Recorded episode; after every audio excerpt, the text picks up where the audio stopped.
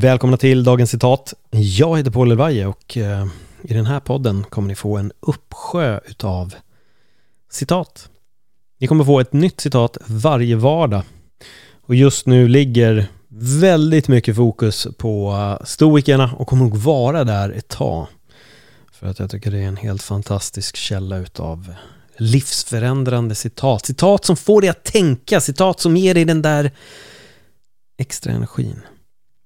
Den där boosten innan du ska på din eh, arbetsintervju din eh, skolföreläsning eller kanske en riktig föreläsning, vad det än må vara, eller du kanske har en annan utmaning i livet där du bara behöver det där lilla extra. Den där lilla extra tanken som kanske får dig att vakna. Som kanske får dig att förstå att du behöver skapa en förändring.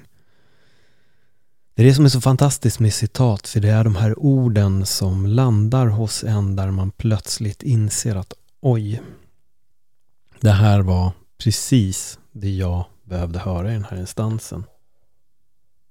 Och det är det den här podden är till för.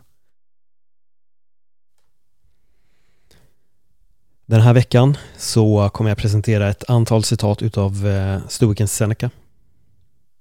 Det här är ett väldigt kort citat. Så eh, håll i dig.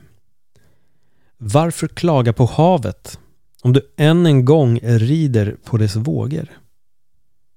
Vad tänker du när du hör de här orden? Varför klaga på havet om du än en gång rider på dess vågor? Vad tänker du? Vilket hav är det Seneca pratar om? Vilka vågor rider du på? Havet är livet. Vågorna är din resa. Ibland sätter vi oss i de här situationerna och en gång när vi hamnar i en situation, absolut, det kan vara omständigheterna som eh, sätter oss där. Men ibland hamnar vi i samma situation igen. Sen igen. Och igen. Vi kanske hamnar i samma typ av konflikter med den som vi är i en relation med.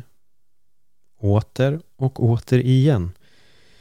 Vi kanske hamnar i samma typ av problem på vår arbetsplats och våra nya arbetsplatser gång på gång på gång.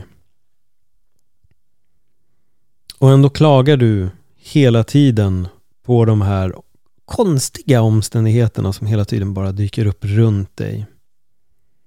Men du glömmer att det är du som rider på vågorna. Det är du som väljer att kliva in i det här hela tiden, om och om igen.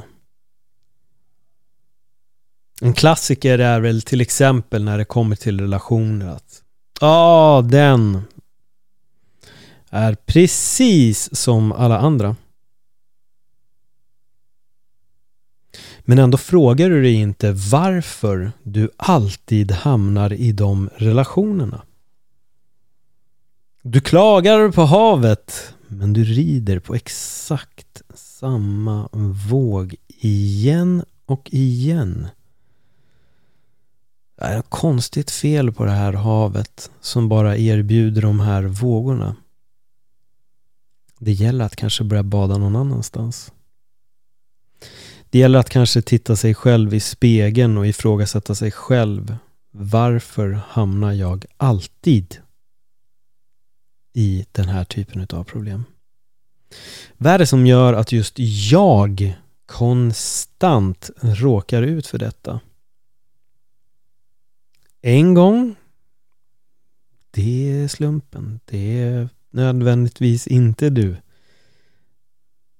Men andra, tredje, fjärde, femte, sjätte, åttonde och så vidare.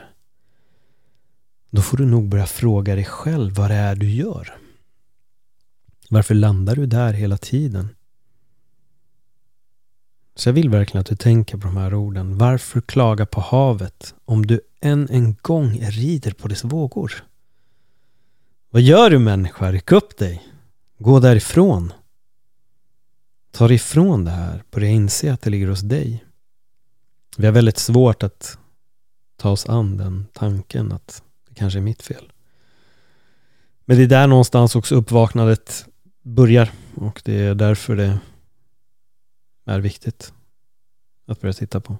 Att kunna bekänna våra brister och att det kanske är vi som är orsaken till att det ser ut på ett sätt som det gör. Men om vi sätter oss där om och om igen då kan vi inte riktigt klaga. Jag är nyfiken på hur de här orden har påverkat dig så du får jättegärna skriva till mig på ett dagens citat podcast på Instagram eller Facebook. Eh, ni får jättegärna följa den sidan också och om ni tycker att just det här citatet är, resonerar med någon som ni kanske känner så tycker jag att skicka det till en vän. Skicka det till den personen och fråga den personen vad tänker du när du hör de här orden? Med det får jag säga tack för att du lyssnade och eh, kom ihåg att du är fylld av en massa potential så varför rider du på de där vågorna? Tack för den här gången.